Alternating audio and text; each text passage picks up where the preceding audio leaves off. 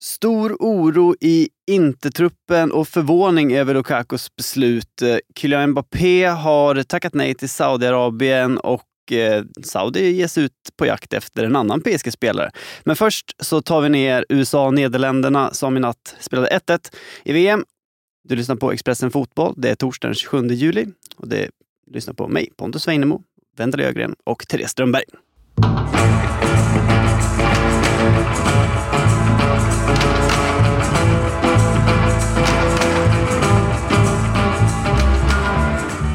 I natt 03.00 svensk tid så inleddes matchen mellan USA och Nederländerna. Reprisen på VM-finalen 2019. På plats på Sky Stadium i Wellington. Wendel Ögren, hur var ja. matchen? Eh, nej, men den var, var superkul. Alltså, det kändes som att det var på tiden att det äntligen blev en riktigt stor match i VM. Och det får man ju verkligen säga att det var, som du sa, reprisen på VM-finalen. Det här var väl den eh, Ja, det, var, det var väl den första stormatchen och, och levde den upp till förväntningarna? Det var ganska få i Sverige som kollade i sig. ja, det får man ju verkligen säga. Eh, ja, men jag tycker ändå att det levde upp till förväntningarna. Här i eh, Wellington har det ju kanske inte varit jättemycket liksom, tryck på gatorna så att man har märkt av att det är VM. Eh, men nu så märkte man ju redan häromdagen att amerikanerna hade intagit eh, staden. Eh, och det var ju bra tryck på läktaren. Hade en galen holländare bakom pressläktaren som höll igång hela matchen. Så Mäktigt. jag tyckte det levde upp. Ja, mm. verkligen. Eh, och det, Holland tog ledningen med eh, 1-0 och sen eh, kvitterade Lindsey Horan i den andra halvleken. Men det var väl USA som var, om man har förstått rapporten i efterhand, det laget som ändå såg numret större ut. Ja, alltså det var ju speciell matchbild så att de började ju klart starkast i liksom en kvart och dominerade. Sen så blev de ju rejält, alltså Nederländernas mål kom ju som en riktig kalldusch får man säga. Och USA såg väl ganska chockade ut och då tappade de ju rytmen helt, skulle jag säga, i resten av andra halvleken. Eh, men fick ju effekt på ett byte i andra halvlek och kom verkligen tillbaka.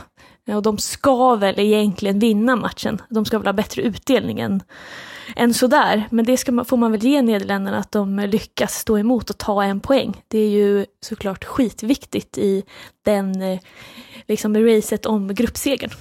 Ja, och det är ju ändå väldigt intressant med svenska ögon sett eh, den här eh, matchen eftersom Sverige, som vi hoppas gå vidare från gruppen, får möta något av de här två lagen i en åttondelsfinal. Men om då Sverige skulle vinna mot Italien på lördag så talar det mesta för gruppseger. Hur viktigt är det att inte få USA? Jag vet inte riktigt. Det är klart att det, det... ja, alltså man kände ju nu under matchen, det var ju när de låg under så var det ju första gången sedan 2011 USA låg under i en, i en VM-match och de har ju inte förlorat sedan finalen 2011 så det är såklart man inte vill möta USA i ett VM för då förlorar man ju. så ja, det, bra, men, bra samtidigt, ja, men samtidigt så tycker inte jag att Nederländerna känns så roliga heller. Eh, och det är ändå ett an helt annat USA mot tidigare. Det är 14 debutanter. Och de har ju liksom inte alls samma liksom system som de har haft innan som har liksom suttit med sina eh, rutinerade spelare. Så ja, är det någon gång man ska göra det är det väl kanske nu då. Slå ja. USA alltså. Ja, okej. Okay. Ja, men det, det, får vi väl hoppas att, eh, att, att så blir fallet om det skulle vara så att Sverige får USA. Men eh, annars har det ju handlat om lite andra grejer runt USA som det kanske brukar göra i och för sig, men det har ju varit väldigt mycket snack om nationalsången där, där majoriteten av spelarna helt enkelt har hållit tyst när det har spelats nationalsång. Och det känns ju väldigt oamerikanskt. Ja, verkligen. Det var ju efter första gruppspelsmatchen mot Vietnam som det var ju liksom en klar majoritet som inte rörde på munnen överhuvudtaget när nationalsången spelades inför matchen. Och vissa höll inte ens för bröstet som de brukar göra, eller hjärtat. Eh, men nu mot, eh, mot Nederländerna så var det några fler som sjöng. Det har ju varit kraftig kritik från Fox-människor bland annat. Mm. Alex Morgan bland annat eh, sjöng inte mot Vietnam, men nu gjorde hon det. Men eh, det var ju fortfarande flera spelare som inte sjöng. Var, var, varför gör de det inte? Har det kommit fram några eh, svar på det? Jag pratade med en av dem, Andy Sullivan, efter matchen och hon, var, hon hade sin egna förklaring att hon, den tiden är för henne att fokusera och hitta ett lugn. Och hon eh, berättar att hon, man kan se det också om man tittar på bilder på henne, att hon ser väldigt koncentrerad ut. Och det är för att hon, sit, hon står och stirrar på en speciell stjärna i den amerikanska flaggan, den 50 eh, för att den representerar den 50 staten som är Hawaii och där hon är uppväxt. Eh, så att, och det är väl det återkommande svaret det här just att man ska samla fokus. Eh, Naomi Grimma sa samma sak, att för mig är det, liksom, det är den tiden jag fokuserar inför match. Eh, så det är deras förklaring, men kritikerna pekar ju på något annat. De menar att det är Megan Rapinoe som ligger bakom det här med hennes ställningstagande för några år sedan när hon stod upp för Black Lives Matter och knäböjde under nationalsången. De menar att det ligger därifrån, men det känns ju också som eh, men inte en konspirationsteori, men att det, det, är färgat av vilka åsikter man har om man, man gör den tolkningen kanske. Ja, det känns ju som att det kanske skaver lite grann i USA och det, är ju alltid, det är ju alltid, kan ju alltid påverka ett mästerskap. Men det, det känns inte som att det är liksom i truppen det är någonting, utan det är mer mot det amerikanska folket, eller man ska säga, som, som det skaver kanske. Ja, ja men precis. Och de var väl kanske inte jätteintresserade att prata om det här inför match, eh, eller efter matchen heller. De ville väl dra ner det så mycket som möjligt och sa att de hade inte tagit del av så mycket av den här kritiken och så. Eh, så att, eh, ja, inom gruppen tror jag att där finns det nog inga sprickor så. Ja, vi får väl se eh, hur det blir, men det, det kanske mest troliga är att Sverige får möta Nederländerna i en åttondelsfinal. Eh, och de har ju då inte eh, super, storstjärnan Medema med, utan eh, får förlita sig på andra spelare helt enkelt. Hur, eh, hur svår uppgift skulle det bli för Sverige? Det är klart det är en jättesvår eh, uppgift, alltså tufft. Oavsett, blir det USA eller Nederländerna är det oavsett jättetufft. Vi har ju liksom vår historia med, med Nederländerna från förra sommaren. Så, men såklart, Midema är ju ett enormt avbräck för dem. Hon är ju en eh, riktig målgörare. Så man får ju, nej man ska inte vara glad för att hennes korsband har gått, men ur svenska ögon är det såklart bra att hon inte är på planen. Det ökar ju såklart chanserna lite. Eh, nu låter jag jätteskeptisk här, att, eh, men eh, ja, jag är realistisk optimist kanske. Ja, och om när man ser på den här matchen då att eh, USA kanske borde ha vunnit den, men eh, om, om, USA är kanske det bästa laget i, i, VM, som de ju brukar vara och kanske är tillsammans med Spanien i år. Men hur, hur bra är, eh, är Holland då? Ja, det är svårt. Alltså, jag tycker ju att de eh, taktiskt så gör de det bra, att de lyckas liksom stänga ner eh, USA där efter målet i, i första halvlek. Eh, så att, men jag tycker de är, alltså än så länge som sagt, det här är ju den första stormatchen som varit. Så det är ganska svårt att liksom bedöma var, var folk är någonstans. Det är samma med USA, att det är, det är så många debutanter och just med USA så spelar ju de flesta i den, liksom, alltså i den amerikanska ligan så man ser ju inte dem liksom till vardags. Jag sitter tyvärr sällan uppe på nätterna och tittar på den amerikanska ligan, får göra det mer. Men så att man har ju liksom inte sett dem så mycket, vilket gör att det är svårt att veta var de ligger och det här är som sagt det första stora mötet. Det är ganska svårt att bedöma eh, Nederländernas 1-0-seger mot Portugal, eh, vad det säger om dem. För de har ju precis som andra eh, liksom, stora nationer haft det lite tufft mot de här lite mindre nationerna. Ja, vi får eh, räkna med att eh, oavsett hur, eh, hur den gruppen slutar och oavsett hur Sveriges grupp slutar så blir det en tuff, eh, en tuff match direkt i åttondelsfinal om Sverige skulle ta sig dit. Tack för det Vendela. Vi kallar in Therese Strömberg. Välkommen till Coolbet där spänningen aldrig tar slut och underhållningen står i centrum. Här får du inte bara Sveriges bästa fotbollsodds, du får också en spel...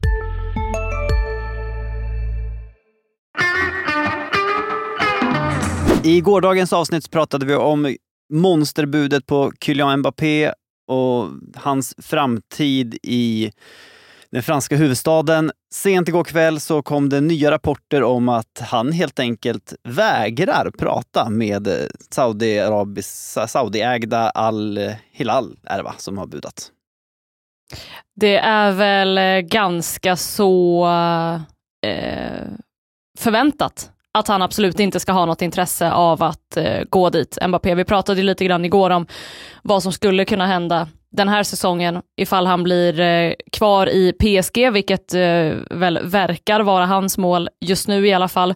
Eh, och det är klart att det finns en risk att han får sitta på bänken en hel säsong ju, även om han liksom som vi gick igenom igår, förmodligen måste vara med och träna med, med A-truppen och träna på samma villkor som alla andra. Eh, jag har svårt att se att PSG ska kunna sätta världens bästa spelare på bänken en hel säsong, så att han känner sig nog ganska trygg i att han kommer få spela även om han liksom bråkar sig kvar i PSG, eller vad man ska kalla det, istället för att åka till Saudiarabien. Jag menar, pengarna är ju det sista Mbappé behöver, för att han tjänar ju mer än vad en människa någonsin kan göra av med redan som det är i, i PSG. Så att, eh, och dessutom att åka dit och spela på en så pass mycket lägre nivå som det ändå är, eh, alla eh, spelare, eh, spelare de värvar till trots. Eh, jag, tror att, eh, jag tror att det är smart av honom att, att faktiskt vara kvar i PSG och inte gå dit. Ja, vi ska ju komma ihåg här att den saudiska ligan är ju, det är ju inte en av de större och det är ju väldigt Eh, Eh, ja, jag vet inte ens om ligan är igång. Alltså det, det är väldigt uppenbart att det här projektet inte handlar om, handlar om sport utan handlar om form av marknadsföring. Men eh, det ju, har ju kommit en del rapporter om spelare som har gått dit och som har varit oroliga för att de har de kvar sina platser i landslagen. Eh, och det är ju klart, det är ju en jätterisk man tar att gå till en sån liga och sen hoppas att man fortfarande ska få spela landslagsfotboll när man helt enkelt tar ner på i, i många fall väldigt många nivåer. Det är klart att det är en jätteskillnad att spela Champions League-kvartsfinal jämfört med att spela derby mot eh, Al Nasser eller vad det nu kan vara. eh, det, så, är det ju. Och det, gör väl, det här gör väl Kylian Mbappé spelar väl sina kort helt rätt här. För han dels får den här lo eh, lojalitetsbonusen på 600 miljoner kronor om han stannar längre än första augusti. Och så kan han sen gå helt gratis till Real Madrid, sina drömmars klubb, nästa sommar. För PSG kan väl ändå inte bänka honom? Det, är ju helt, det vore ju helt vanvettigt. Ja, alltså jag som sagt, jag har jättesvårt att se att de ska kunna göra det över en hel säsong med en spelare som Mbappé. Och, och jag kan tycka, alltså, när man pratar om de här bitarna så är det ju, det är ju det, i, i sådana här situationer så kan jag tycka att det är liksom svårt att så här, ta parti eller vad man ska säga för att det, det är ju oavsett om man liksom om man väljer klubbens sida eller spelarens sida så finns det ju i det här fallet i alla fall ingen den svagas sida.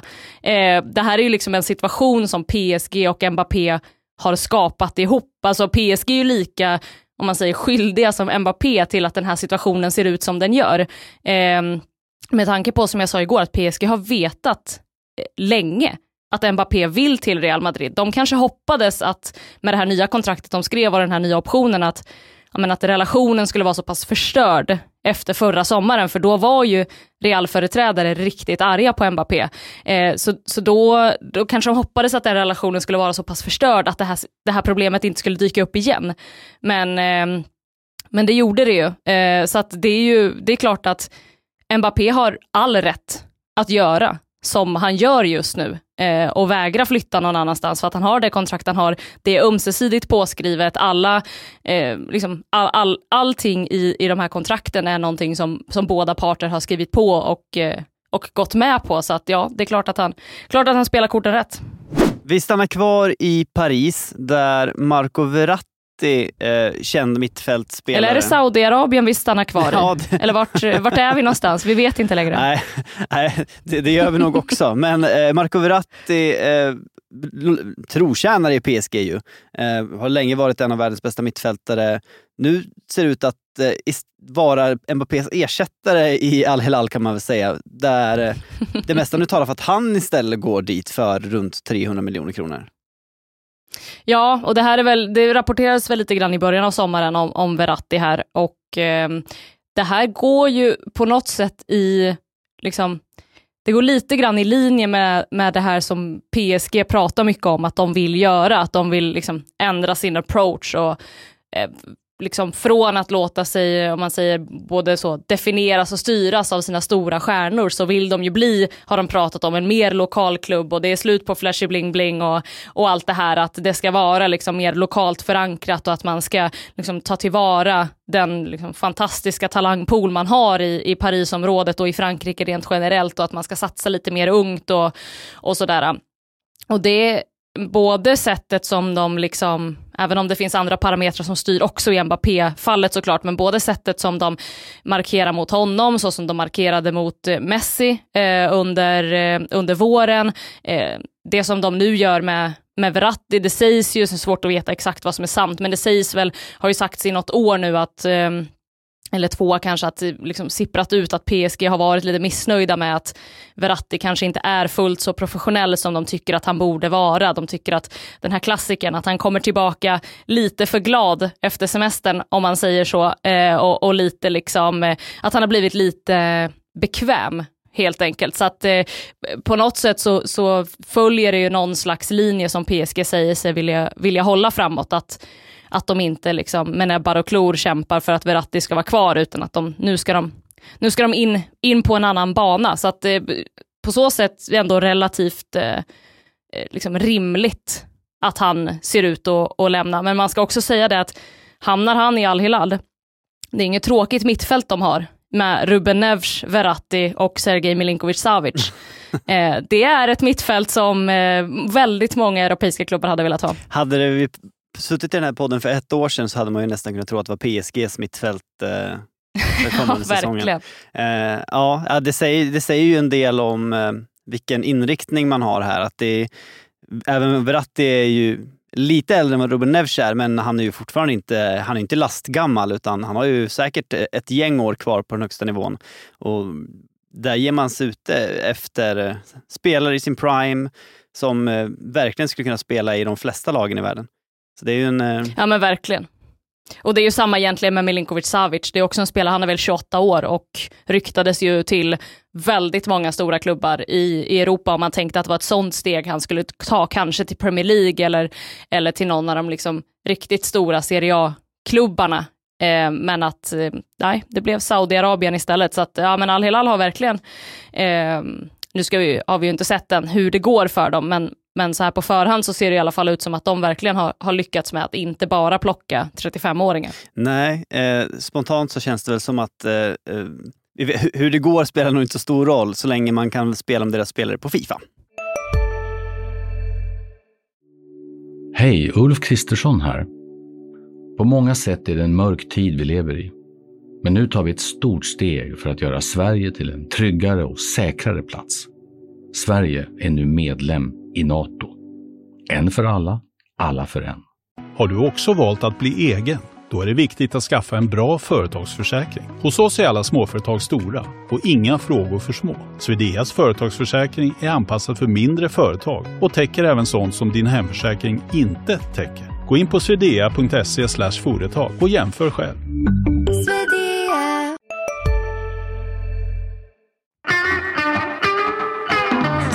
Vi flyttar oss ett snäpp eh, åt eh, österut från Frankrike. Eh, vi har väl, kan väl ha kvar en liten fot i Saudi för det, tydligen så är det, har man det hela tiden under det här transferfönstret. Men vi har ju sett en enorm soppa i norra Italien där Romelu Lukaku vägrade träna med Chelsea, vägrade komma tillbaka till försäsongen för att få till en flytt till Inter och sen tog det en tvärvändning och han eh, vill inte vara kvar i Inter utan han vill gå till Juventus, Juventus istället. Och nu har ju har Lautaro Martinez, eh, anfallskollegan i Inter, gått ut och pratat om att eh, det här var ju inte så jävla bra gjort.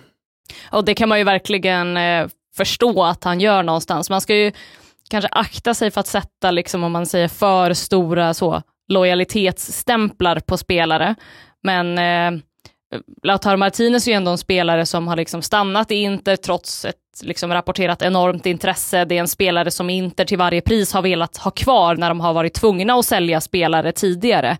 Eh, och en sån, liksom, det finns ändå någon slags, eh, det har funnits no, inte någon slags, utan en ganska stor liksom, connection mellan honom och Lukaku när de har spelat ihop i Inter. Både att de eh, har fungerat väldigt bra ihop rent sportsligt, men också att de liksom har verkat ha en ganska fin relation. Eh, och det som Lautaro säger är ju att han har försökt att ringa honom, alltså Lukaku, eh, och, och liksom få något slags svar på vad det är han håller på med och varför det har blivit så här och det ska tydligen vara fler lagkamrater som har försökt ringa men han har helt enkelt inte svarat utan bara liksom skitit i det. Så att man förstår ju verkligen att det finns en, en stor besvikelse även i spelartruppen. Att, för att ser man på Lukakos karriär och sättet som Lukaku har pratat framförallt de senaste åren så det känns ju som att, ja men Everton var ju en sak, men, men sen är det ju Inter som han faktiskt har lyckats på riktigt i och som, han, som det har känts som att han har mått bra i och velat vara i och sådär. Så att det är ju svårt även som helt utomstående att riktigt förstå vad som, vad som pågår i hans huvud när, när hela den här soppan har liksom kokats. Ja, han har ju suttit i, i tv-intervjuer och pratat om, som Chelsea-spelare, pratat om hur han vill tillbaka mm. till Inter, hur det är hans klubb. Eh, och så blir det inte så. Och nu snackas det om att det istället blir en ny lånesession och den här gången då i Juventus. Ja, och det kan man ju, det, det skulle ju inte förvåna mig om det blir, om det går åt helvete. Helt enkelt. För vet du vart han kommer hamna, Therese? Han hamnar i Saudi. för det gör tydligen alla spelare. Ja, de gör ju det till slut. Ja, tack för, det här, för den här dagen och det här avsnittet. Ni lyssnar på Expressen Fotboll. Eh, vi är tillbaka imorgon igen där det blir fullt uppsnack kring Sveriges avgörande gruppspelsmatch mot eh, Italien. Eh, helt avgörande är det såklart inte som det är en match till, men det är ju gruppfinalen så någon form av avgörande blir det ju. På återhörande. Tack!